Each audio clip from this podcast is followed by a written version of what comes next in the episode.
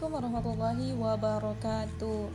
Perkenalkan, saya Sahraini dan selamat datang di Talk with Sahraini hari ini. Kita akan membahas sedikit tentang jurusan komunikasi dan penyiaran Islam. Dan untuk kalian yang penasaran dengan jurusan komunikasi dan penyiaran Islam, terus dengarkan podcast ini dan jangan di skip-skip.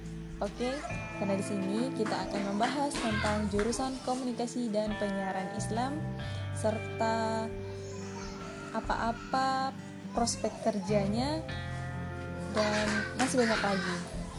Banyak sih pertanyaan-pertanyaan yang muncul di benak masyarakat. Katanya, ngapain sih pilih jurusan KPI? Mau kerja apa kalau lulus kuliah? Memang gajinya besar kalau kuliah dari jurusan KPI. Apa bedanya KPI dengan jurusan ilmu komunikasi dan masih banyak lagi. Oke, sedikit sharing ya. KPI itu ialah jurusan komunikasi yang ada di perguruan tinggi Islam PTI dan Universitas Islam UIN Institut Agama Negeri IAIN dan Sekolah Tinggi Agama Islam STAIN. Di jurusan ini, mahasiswa dibekali ilmu dan keterampilan berkomunikasi untuk kepentingan syiar Islam atau dakwah. Jurusan komunikasi dan penyiaran Islam juga mencetak sarjana yang handal dalam bidang penyiaran, baik itu penyiaran radio maupun di dunia televisian, oke? Okay? Dan untuk jurusan komunikasi dan penyiaran Islam, itu ada di Universitas Islam Negeri yang ada di Indonesia ya, tapi tergantung dengan universitas Islamnya.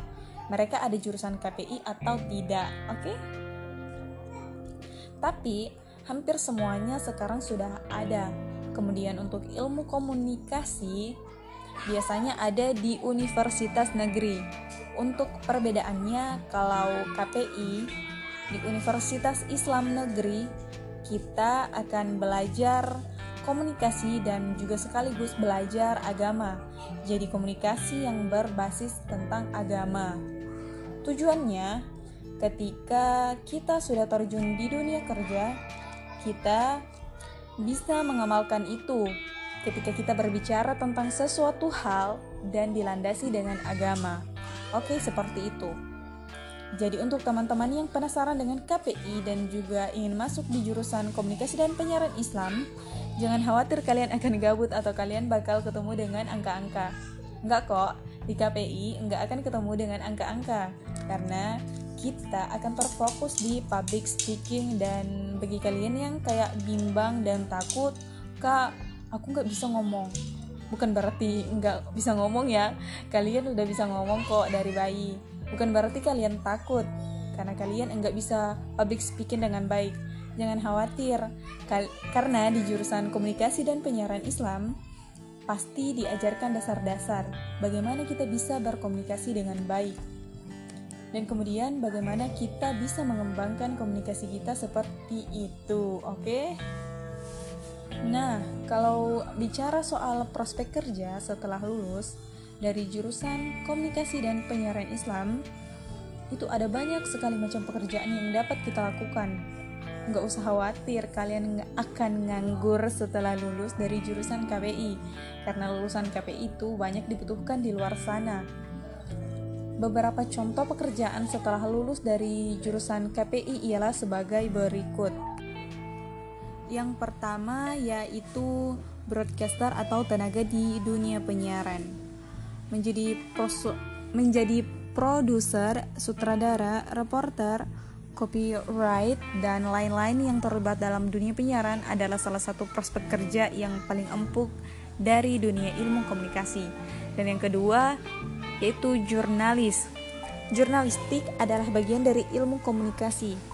Studinya yang mempelajari bagaimana mengemas suatu berita menjadi sebaik mungkin untuk dapat disebarkan ke masyarakat luas merupakan salah satu bentuk bagaimana seseorang dapat menyampaikan pesan pesan secara efektif melalui suatu media.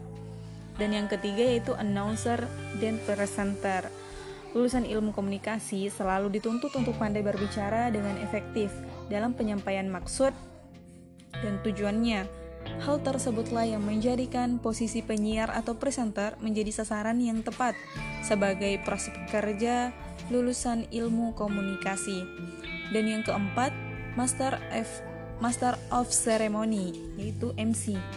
Bila announcer dan presenter hanya tertuju dalam sebuah media massa saja, maka pekerjaan sebagai MC pun bisa diposisikan dalam berbagai perhelatan event. Menjadi MC tentu membutuhkan kualitas gaya bicara yang baik, pandai menempatkan diri, dan mampu membawa acara menjadi sesuai harapan.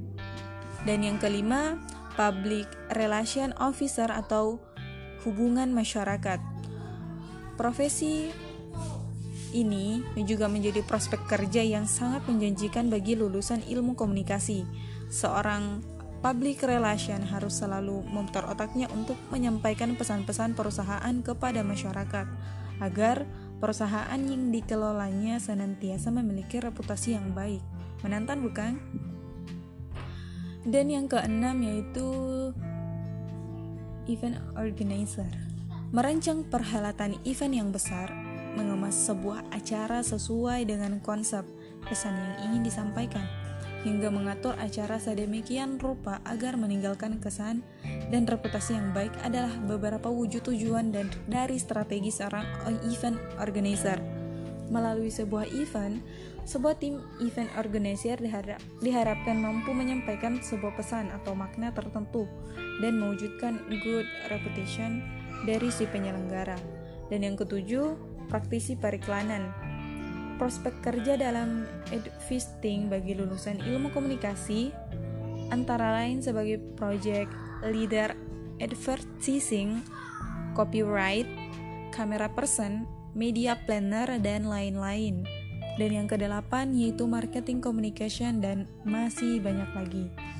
Lulusan ilmu komunikasi juga bisa menjadi orang yang duduk manis di kantor menyusun dan merancang strategi strategi komunikasi pemasaran yang tepat bagi perusahaan. Ya, menjadi marketing communication tidak semata-mata mengedepankan user pemasaran dari ilmu bisnis saja. Lulusan ilmu komunikasi diharapkan dapat menjadikan pemasaran menjadi lebih efektif dan menarik. Salah satunya dengan menyusun strategi komunikasi yang tepat Dilihat dari segmentasinya, bagaimana pesannya, apa medianya, dan mau seperti apa tujuan yang diharapkan. Hal ini tentu menantang bagi siapa pun yang menjalaninya. Itulah 8 prospek kerja terbaik bagi lulusan ilmu komunikasi. Sesuaikah dengan minat Anda? Dan kalau berbicara tentang penghasilan dari jurusan ilmu komunikasi, menurut penelitian di Amerika Serikat, Rata-rata penghasilan awal dari jurusan komunikasi ialah sebesar 51,448 US dollar atau sekitar 716 juta rupiah per tahun. Wow. Ya, itulah tadi sedikit informasi yang dapat saya bagikan kepada teman-teman sekalian dan buat teman-teman sekalian nih tetap jaga kesehatan ya. Semoga kita selalu dalam keadaan sehat walafiat dan juga tetap jaga kebersihan diri dan lingkungan sekitar agar kita dapat terhindar dari virus yang tidak diinginkan dan juga terus dan selalu berdoa semoga wabah COVID-19 cepat mendapatkan penawarannya penawarnya dan keadaan bisa kembali seperti semula sehingga kita bisa beraktivitas seperti biasanya kembali berkuliah di kampus. Dan untuk adik-adik yang ingin masuk jurusan komunikasi dan penyiaran Islam, tetap semangat ya. Semoga beruntung dan jangan pantang menyerah. Oke? Okay? Inilah episode Talk with Sahraini hari ini. Terima kasih telah mendengarkan. Mohon maaf apabila ada kekeliruan atau informasi yang kurang tepat karena saya juga manusia biasa yang tak luput dari kesalahan. Wassalamualaikum warahmatullahi wabarakatuh. Bye.